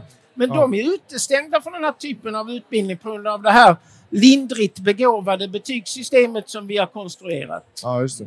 Eh, självklart ska vi ha meritokrati till viss del, men vi ska också komma ihåg att kriterierna som vi använder inom meritokratin är ganska godtyckliga. Så här håller jag med Bo. Alltså att du måste klara en viss mattekurs. Det är ett godtyckligt krav för ja. att du ska sen eh, få gå vidare till en viss utbildning. Så man kan ju faktiskt också skruva lite på våra kriterier som vi använder inom utbildning och meritsystemet. Ja, men precis. Jag, jag vet inte hur mycket tid vi har kvar. Vi, tiden går så fort här. Eh, en minut om jag räknar ja. rätt. Ja, men då ska jag hinna säga att eh, båda era böcker finns ju till försäljning här och eh, ni kanske stannar kvar en stund och kan eh, signera era böcker om någon är intresserad. Eh, fri, det är Fri Tanke som är montern här, det är vi som har gett ut den här och din bok Peter är utgiven på Natur och kultur men eh, jag vet att det finns några ex här om man är intresserad. Eh, och eh, jag antar att eh, diskussionen fortsätter men ty jag tycker vi fick en del nyttiga insikter om den här ganska komplicerade frågan. och ja, tack för att ni var här och pratade. Tack, tack. Kul. Just nu ska vi tala om digitaliseringen, digital läsning, skolan, våra barn. Hur ser vi till att de läser? Eh, jag har två gäster idag. Det är Elin Kullhed, författare, lärare, kulturskribent. Skrev nyligen en artikel i DN om din dotter.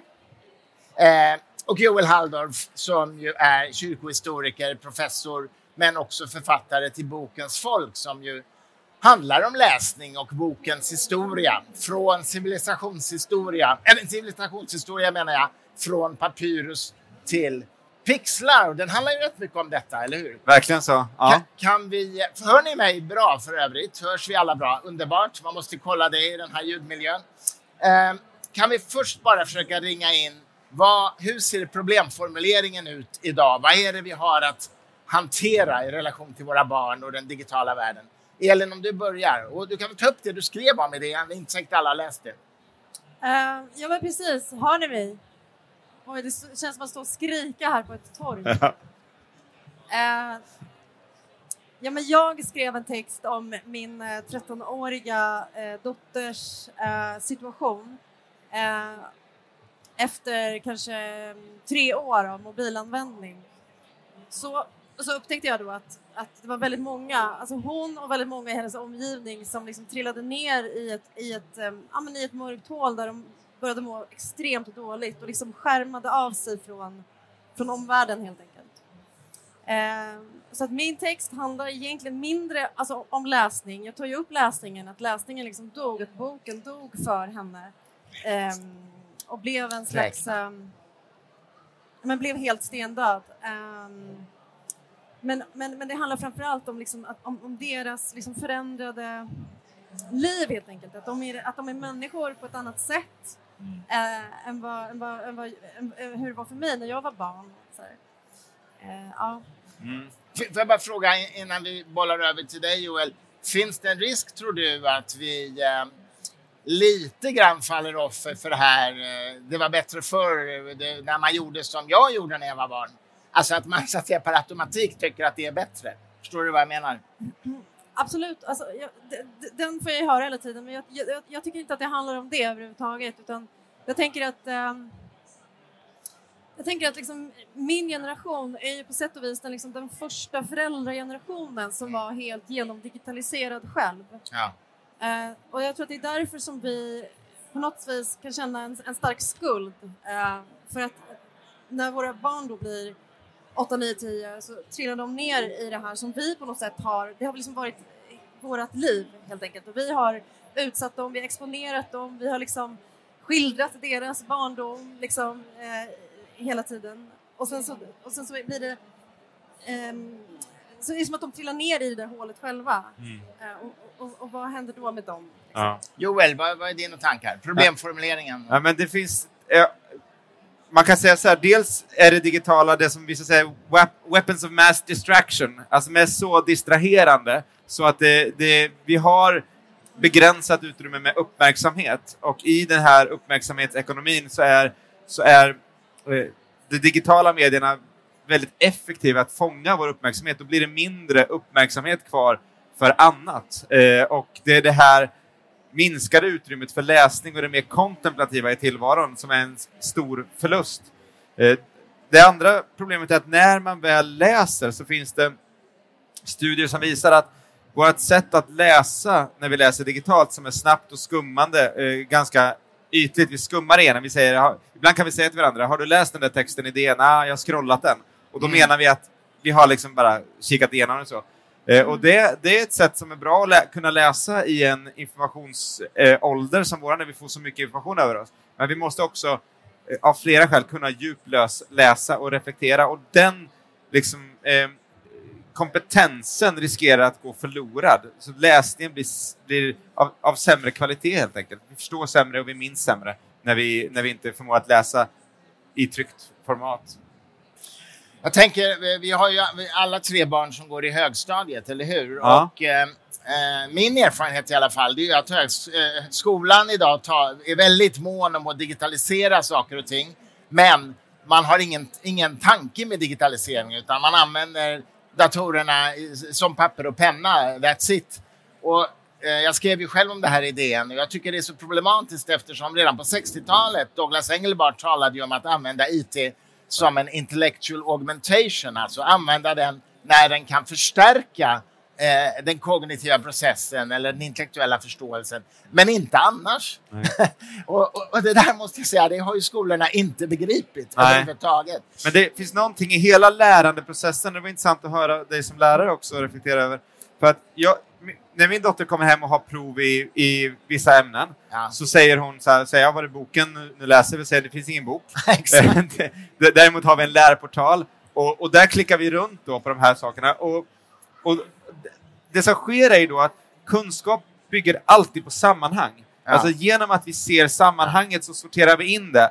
Och, och, om jag frågar er vad, ni, vad som dök upp i flödet när ni scrollade i morse, då kommer många av oss inte minnas, för det finns inget sammanhang för den kunskapen, den informationen. Den kommer stötvis och ganska osorterat. Mm. Eh, och, och, på samma sätt är det med faktarutor som man klickar runt på. Men i en bok så finns kunskapen sorterad.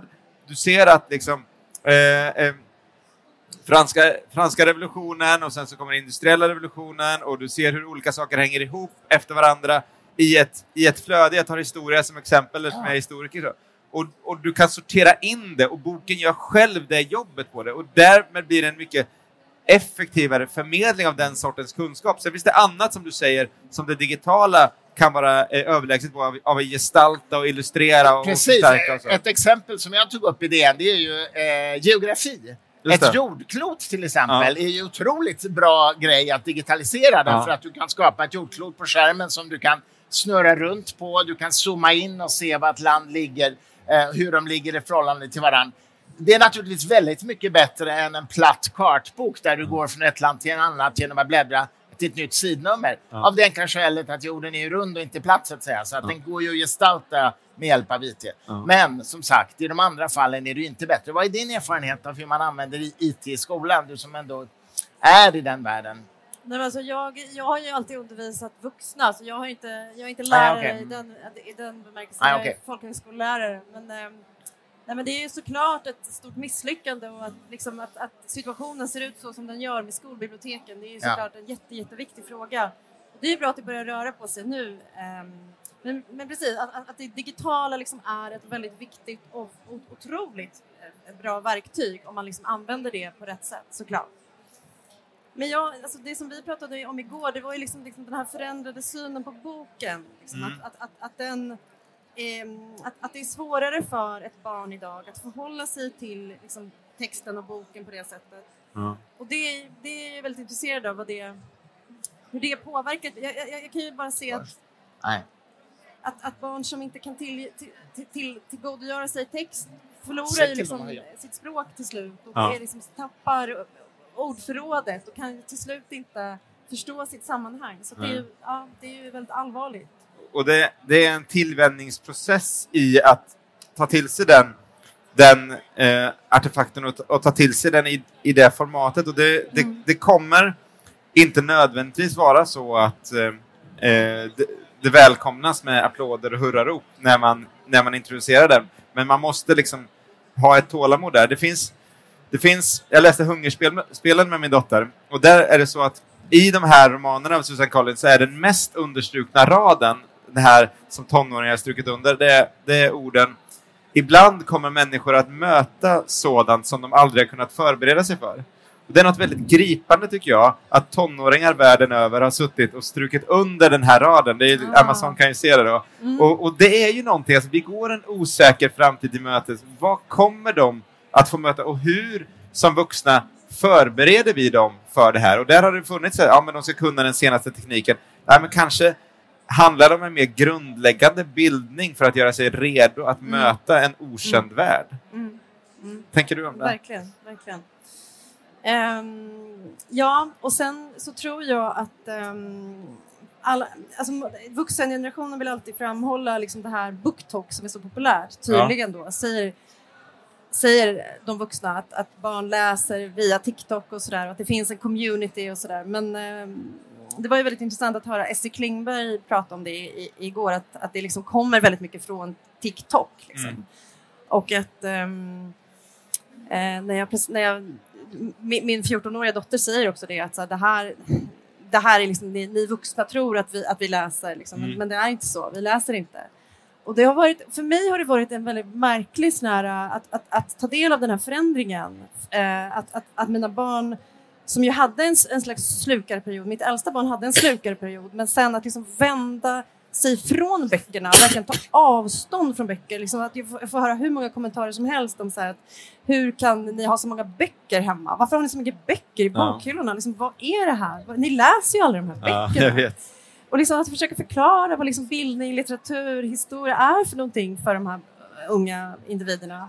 Eh, det är liksom en helt förändrad syn. Och liksom önskelista på önskelista där det står så här, jag, jag vill inte ha några böcker, utropstecken, utropstecken, utropstecken. Ja, men det är ju någonting, man speglar ju väldigt mycket kulturen där. Jag, vi, vi, det tog ganska lång tid innan vi skaffade TV. Utan vi, Mm. det, det var inget så här, vi kollade på skärmarna istället liksom, när vi såg. Men Mm. så till slut så tog vi oss för att vi, vi, vi skaffade det för att barnen tyckte det. Och då när vi fick hem den och satte upp den så sa vår dotter Äntligen, nu är vi en normal familj. Nu är vi, nu, nej, nu är vi en riktig familj, sa hon till och med. Nu är vi en riktig familj. Och jag var så här, men alltså, kan, men det, det, för barn är det så viktigt att passa in. Ja. Att inte ja. sticka ut. Så Det här- lever du i en kultur Mm. där liksom så här, vi som vuxna kan väl säga, men jag, vi kan beundra folk som väljer bort smartphones och som läser böcker och säger åh, du följer inte med. Men, men, men för barn är det normala eh, liksom Mm. det mest eftersträvansvärda, speciellt i de här väldigt formativa åren 10, 11, 12, 13. Så då vill de verkligen vara som alla andra. Mm. Och har vi då ett genomdigitaliserat samhälle Precis. och så, så kommer det vara där de Det är, så, det är så roligt det här när du säger att en normal familj, vi har en TV. Jag tänker på det vilka otroligt olika referensramar barn har i förhållande till äldre. Jag minns min grannes dotter när hon var tre- 10-11 år var hemma hos sin mormor och såg på vinden för första gången en skrivmaskin Ja, som hon aldrig sett någonsin och säger så här Wow, vad coolt! Det är precis som en dator med inbyggd skrivare. Det är ganska... det är liksom referensram. Eh, men hörni, bara för att avsluta nu, det går ju fort det här, men vad, vad, ge, vad har ni för konkreta råd till oss föräldrar som ska försöka få barnen på rätt spår när det gäller både läsning och skärmtid och ja, hela det här komplexet så att säga. Men jag tror mycket på att, alltså, att bygga relationer. Alltså, litteraturen handlar ju också om, om, om människan, om, om, om, om, om relationer, ehm, om, om, om, om, om det mänskliga tillståndet helt enkelt. Och att, liksom, att, att vi som, som föräldrageneration eller liksom som, som eh, auktoriteter, som vuxna kan liksom visa på att vi faktiskt fortfarande är människor, att vi är i relation, att vi, att vi lyssnar, att vi tar ur våra lurar, att vi liksom är närvarande med våra sinnen. Att vi inte själva hela tiden Ja. är i våra enheter Mm. är ju en väldigt viktig pusselbit, tycker, Ja. tycker jag. För, för, för, jag befinner mig ju där. Ja. Och då, det är klart, varje gång min dotter går förbi så sitter jag själv och tittar ner i en jävla skärm. Liksom. Mm. Så, ja. Ja, det där är plågsamt. Att, att vi pratar om att de är problemet, men i själva verket ofta är det ju vi som är ett ännu större problem. Ja. Eh, och, och varje gång så här, ja, men jag kollar ett recept eller jag kollar. Men det är så mycket som är i skärmen och för dem, det är det som är grejen med någon som sitter i skärmen, att man vet aldrig vad den håller på med. Mm. Och det skapar ett främlingskap inför En dens aktivitet. Jag vet inte, du kan liksom svara, läsa något jätteviktigt eller sitter du bara och scrollar och Mm. frustrationen i att inte veta. Nej, men det Mm. håller jag verkligen med Mm. Sen tror jag, det vi har försökt med våra barn är att utsätta dem för väldigt mycket olika litteratur och försöka vara skolbibliotekarier för dem. Att så här, den här kan passa dig. Och, och det är ju så att liksom, eh, fyra gånger av fem har man fel, men den där femte gången så träffar man rätt. Ja. Och då så får man tag i läslusten. Eh, och då, ja, det har varit en diskussion på Kultursidan, någon som skrev att barnen ska inte läsa skräplitteratur. Jag håller inte med om det. Jag tycker att de gärna, eh, min son är här idag för att eh, författaren till Diary of a Wimpy Kid. Eh, Dagbok för alla mina fans var där borta. Det var. Eh, så då tyckte han det var värt att åka tre timmar till Bokmässan för att få sina böcker signerade av honom. Eh, för det är liksom, och, det, och imorgon kommer han se I just wanna be cool-gänget. Eh, och jag är full av tacksamhet till de här grabbarna att de har skrivit böcker eh, som han sitter och läser. Då. Eh, Mm. och, men sen så är det mitt ansvar också att hjälpa honom att utvecklas, att höja nivån lite. Men man måste in i läsandet så. Och det, Ja. där får man bara Ja. eh, släppa sina liksom, finsmakar-idéer. Det där tror jag är så oerhört sant alltså. Jag läste många år bara serietidningar när jag var barn. Ja, Ja, precis. Och sen Ja, blev det science fiction-böcker. Ja. Vissa kan vara väldigt bra i och för sig, men ganska mycket var skräp. Mm. Innan det liksom, ja, klev in i en riktig läsning, eller vad man nu ska kalla det. Men, så jag, tror, jag delar verkligen den Mm. uppfattningen. Men har du några knep? Eh, konkreta? Ehm, ja, men, eh, jag har ju varit tvungen att sluta tjata. Det har varit en väldigt, en väldigt viktig... Alltså det, för det, alltså, re- relation, och det är också väldigt, väldigt viktigt att värna det där liksom, egna inre rummet. Ja. Och, och det kan ju liksom just uppstå via I just want to be cool eller liksom serier. Att man, att man skapar en, en, en, um, ett eget rum där man, där man har en relation till texten, vilken text det nu än är. Att, att, och att det måste komma inifrån barnet själv. Det måste ju, och så måste, så jag måste liksom respektera Liksom, jag, jag var tvungen att respektera det här liksom, motståndet mot böckerna. Det kan också vara säkert eh, intressant. Det, det, det, det, säger ju någonting. Det berättar ju någonting, det här motståndet. Ja. Men sen då eh, har jag sakta ett, ett, ett hopp om att det här kommer vända då nu Ja. snart. Och jag, nu har jag ju precis fått en önskelista från min eh, 11-åriga dotter där det faktiskt står, jag berättade det igår, att det står att hon önskar sig bra böcker. Så ut med massa utropstecken. Så det var faktiskt väldigt hoppfullt. Men visst är det så också att som- man som förälder skapar ett motstånd om man är väldigt angelägen. Ja, det är så. Verkligen! Man får inte vara needy. Nej, nej, nej. Ja, jag var otroligt angelägen om att, om att min son skulle spela schack när han var liten. Ja. Och till slut gav jag upp och då Ja, lossnade det. då, exakt. Det är, jag menar, det är så. Uh, hörni, ja, vi, vi, vi ska faktiskt avrunda där. Har ni något sista liksom, supertips sådär, till föräldrar som ni bara konkret gör så här? Så Nej, men alltså... Nej, men, eh, att gå via influencers kan ju vara en väg. Alltså, det, det, de, har, de, de ser ju upp väldigt mycket till, till eh, Youtubers och sådana saker. Och det finns ju vissa av dem som faktiskt skriver och så. Det kan vara ett, liksom, Mm. det, det kan vara ett tricks. ja, ja. Ett annat trick är ju att eh, inte släppa högläsningen Nej. för tidigt. Det, Eh, för det tror jag är väldigt viktigt, att, Ja. att, att, att, den kan fortsätta liksom upp i hög ålder. ja. Eh, ja. Jag har ju berättat för dig Joel förut att jag körde ju med det väldigt eh, banala tricket att du får en slant för varje bok du läser ut. Alltså ren muta. Ja. Jag är också där, kan jag Ja. säga. Ja, men exakt. Och det resulterade i en ganska rolig effekt därför att jag märkte ju sen på min son när han började tycka det var kul. Men det var han ju jävligt noga med att dölja för då insåg han ju att pengarna kanske skulle upphöra att komma. Va? och så vart det Men- också. Eh, Ja, men nu, nu behöver jag inte muta längre. Nej, men, han lyckades liksom få det ett tag längre än vad det hade behövts. Ja. Elin, Joel, stort tack för att ni kom Tack. och tack, för att ni lyssnade. Jag heter Martina Stenström och jag är förlagschef på Fritanke. Och eh, jag har med mig två bokaktuella författare idag. Vi har Patrik Oksanen som har eh, varit redaktör för den här antologin Ryska krigsskepp dra åt helvete. En liten bok om försvarsvilja. Så har vi Oskar Jonsson som är aktuell med den här boken, Hotet från Ryssland. Och båda de här böckerna finns i försäljning. Eh, den här kostar 229 kronor eh, och jag tror Patrik är villig att signera. Absolut. Oskar, vet du vad din bok kostar? Ingen aning. Ingen aning. Jag chansar på 199 kronor och jag tror du också är villig att signera. Ja, ja, absolut. Ja, bra. eh, vi ska reda ut Sveriges väg in i NATO på ungefär 20 minuter. Eh, så jag hoppas ni är redo för det här nu. Jajamän. Ja. Eh, vad händer just nu? Kan vi få en lägesdatering? Det, det, det är här vi börjar skratta lite grann och så tittar vi på varandra och så blir det lite besvärligt i rummet. Och det är väl en ganska bra sammanfattning om hur vi är just nu. Ja. Vi är just nu i läget att vi väntar och vi väntar på det här som skulle gå så snabbt som möjligt, skyndsamt, som Erdogan sa i Vilnius. Ja. Och så snabbt som möjligt och skyndsamt, det behöver ju absolut på inget sätt betyda samma sak för Stockholm som för Ankara, vilket vi nu ser med all önskvärd tydlighet. Mm. Hur länge kan de förhala det här beslutet? Nej, men då, då kan vi förhålla det här ganska länge, men, men någonstans så tar ju hela, hela cirkusen nog. Alltså turkarna var ju lite eh, smarta där, liknelsen används som eh, liksom handelsmän vid basaren och så vidare som höjer priset. Nu har man släppt in Finland i NATO, vilket gör att den stora landgränsen mot Ryssland redan är NATO-territorium. Och sen så kan man passa på att jävlas med Sverige. Inte helt utan grund heller, utan eh, vi har, eh, när vi eh, svängde i den här processen så hade vi inte gjort samma förarbete som Finland. Man har åkt runt och pratat med, i synnerhet eh, på presidentnivå, med Turkiet, med Ungern och så vidare. Man har gjort ett annat förarbete, medan vi från svenskt håll tänkte att ja, men vi glider väl med och vem kan tycka någonting illa om oss?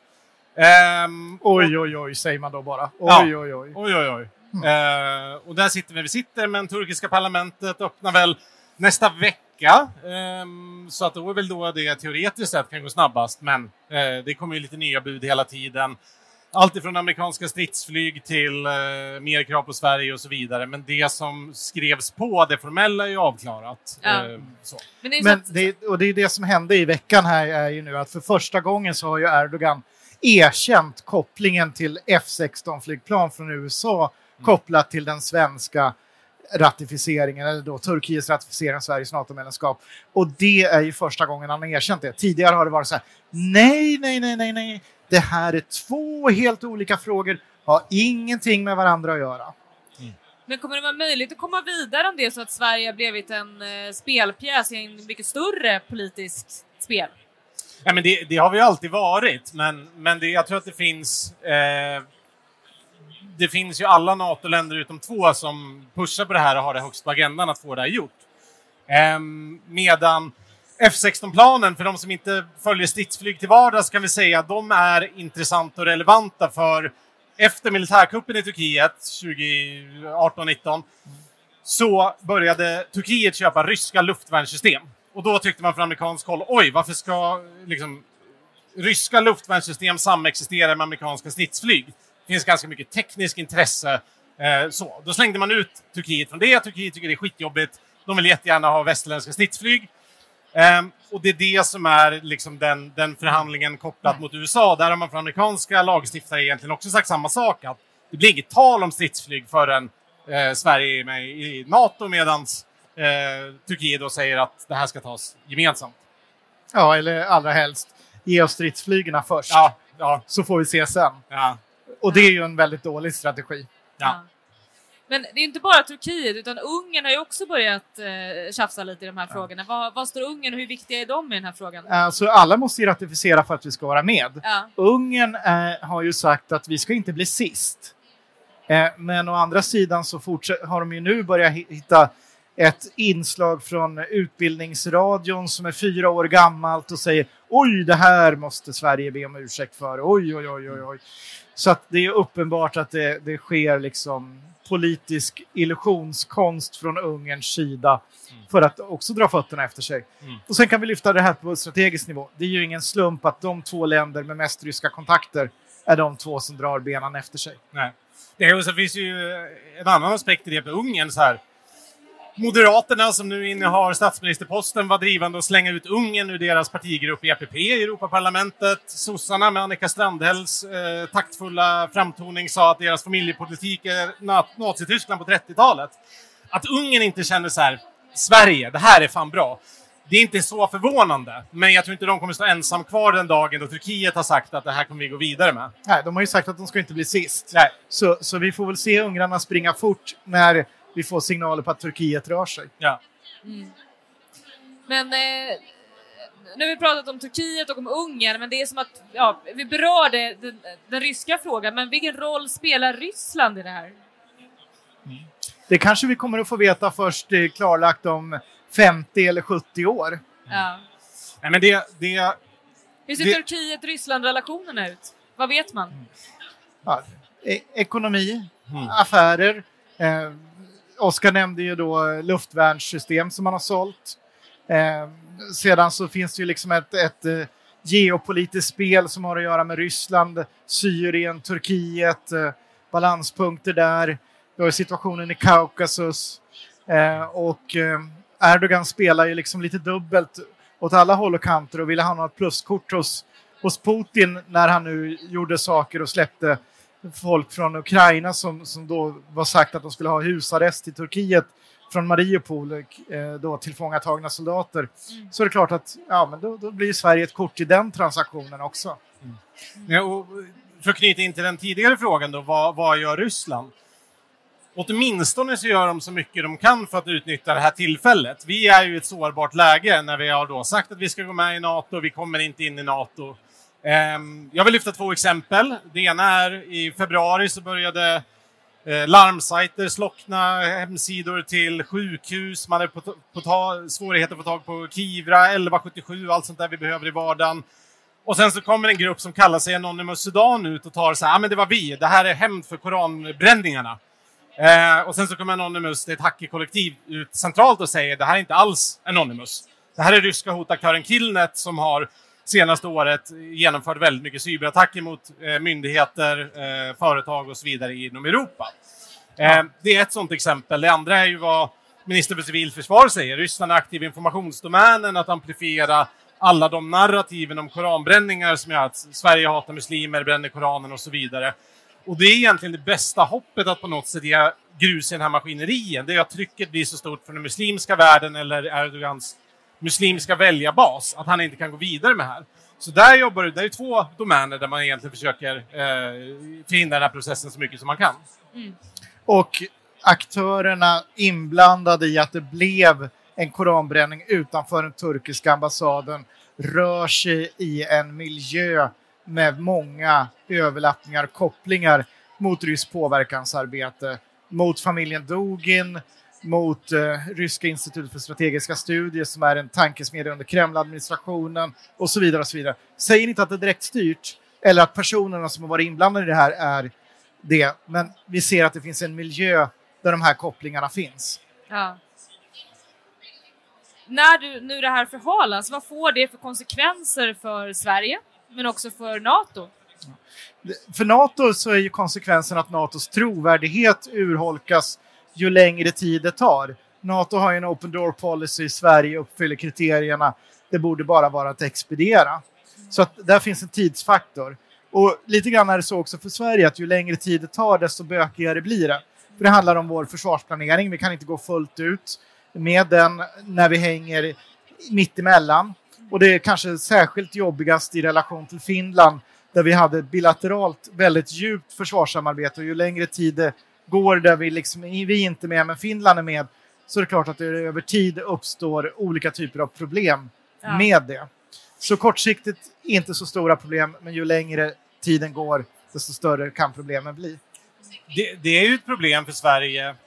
Um, det var ju en historisk förändring i opinionen som sedan ledde till en historisk ändring i det politiska spektrat.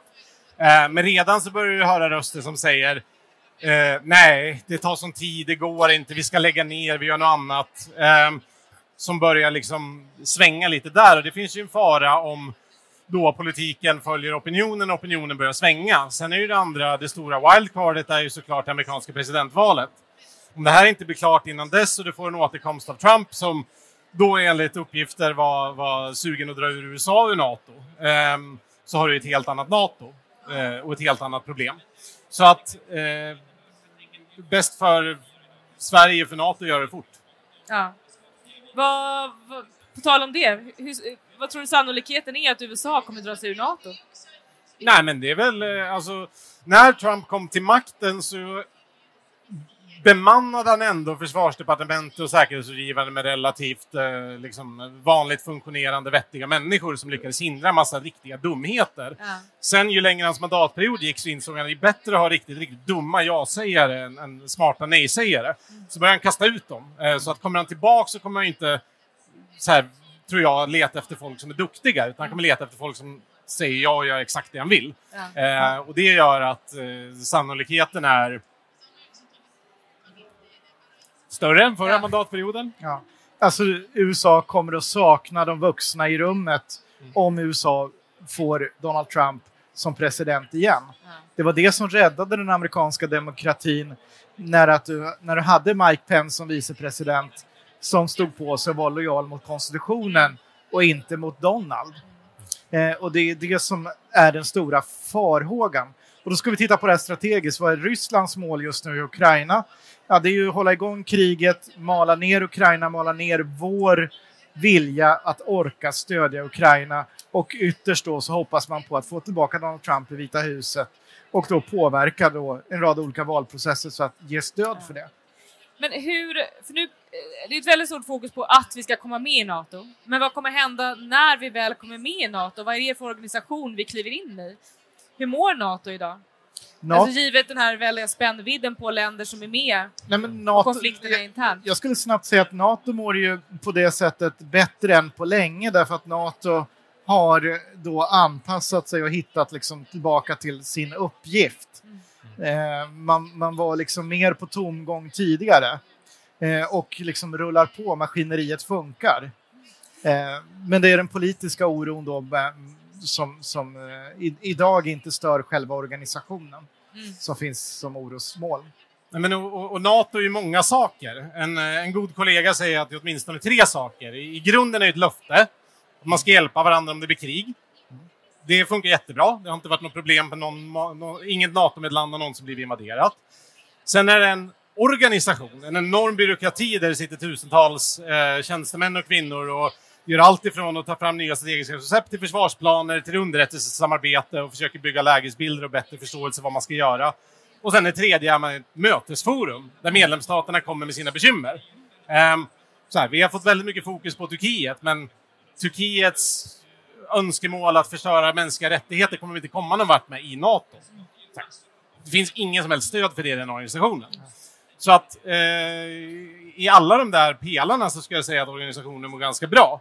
Sen ligger det i sakens natur att har du vitt skilda länder som liksom Sverige, Turkiet, USA och Ungern så det man kan enas och göra gemensamt är vissa saker och de funkar medan de andra sakerna, till exempel eh, politik, mänskliga rättigheter och så vidare, det sköts ju främst inom EU med Ungern och där finns en annan problematik. Men det är ju inte, det är inte en NATO-fråga. Mm.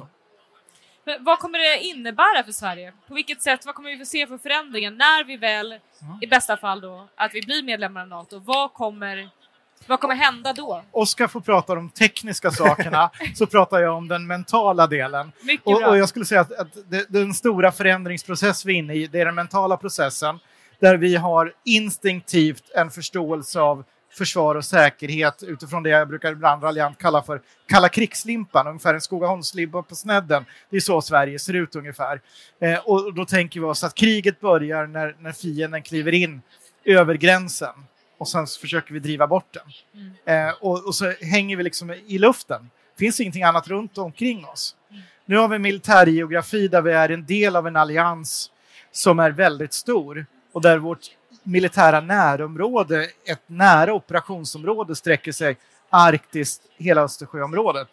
Ja, Svalbard till, till, eh, till eh, Nordtyskland, eh, Narva till eh, ja, Island. Så.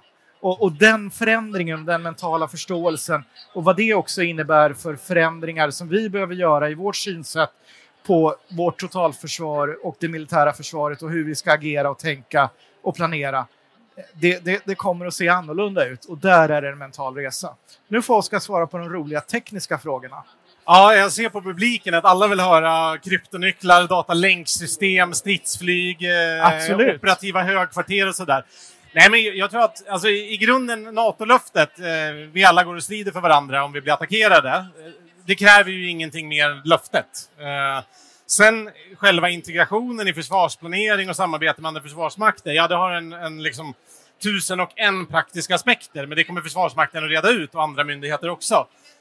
Um, men det är en ganska lång resa. Uh, samtidigt har ju Sverige under ett par decennier varit extremt beroende av NATO, bidragit till NATO-operationer mer än många NATO-stater. Så många av de där sakerna ligger man redan bättre än många NATO-länder. Så att det är inte heller någonting liksom oöverstigligt eh, att göra någonting vi aldrig gjort, utan det är snarare skett eh, under flera decennier. Så att jag tror att det eh, kommer vara mycket arbete, men jag tror inte att det är eh, liksom omöjligt eller oöverblickbart eller något sånt där. Eh, och sen tror jag det svåraste, det är att lista ut nu står ju vi och knackar på att komma med i en stor organisation, så här, snälla släpp in oss. Men sen så kommer ju frågan, ja, men vad vill vi göra med organisationen när vi är där? Hur, hur gynnar den svenska intressen?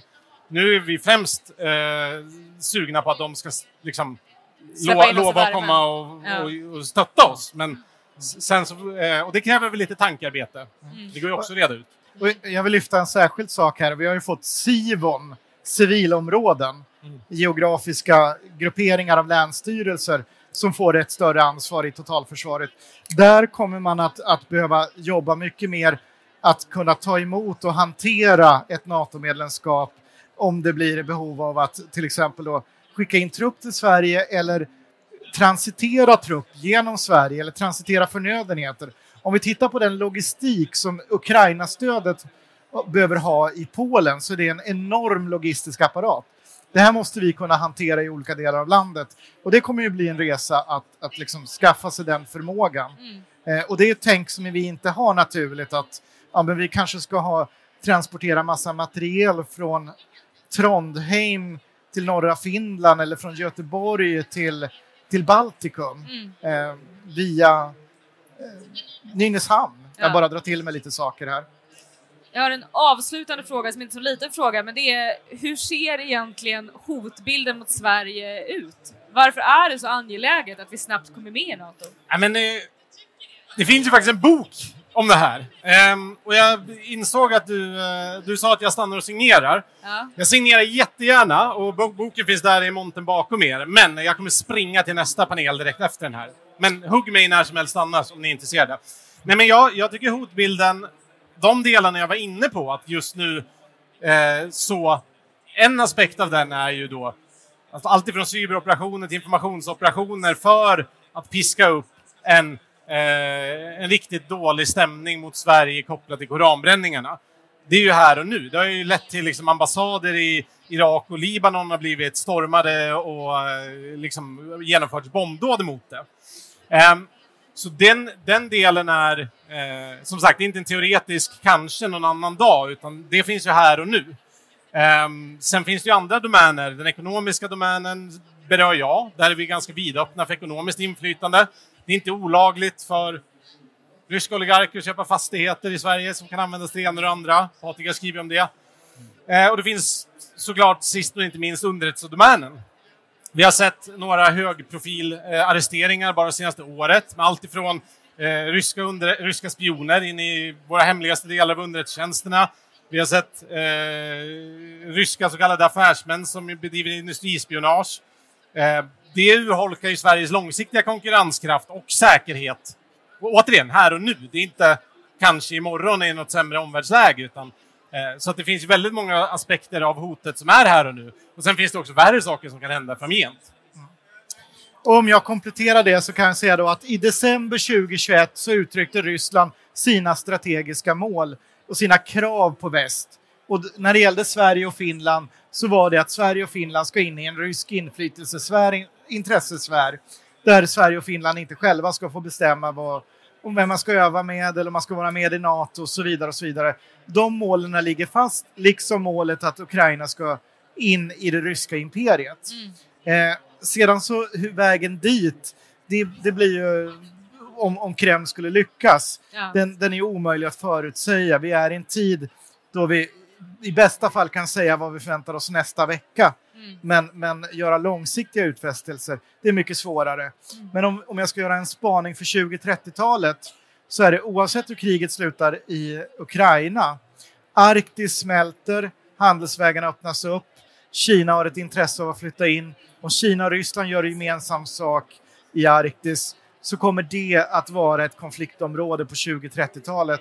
Och vad som händer då, ja, det kan vi inte säga om. Nej. Men vi lever i tider som är jäkligt allvarliga och vi kan inte förutsäga framtiden. Med det muntra budskapet så stänger vi det här samtalet. Eh, vi...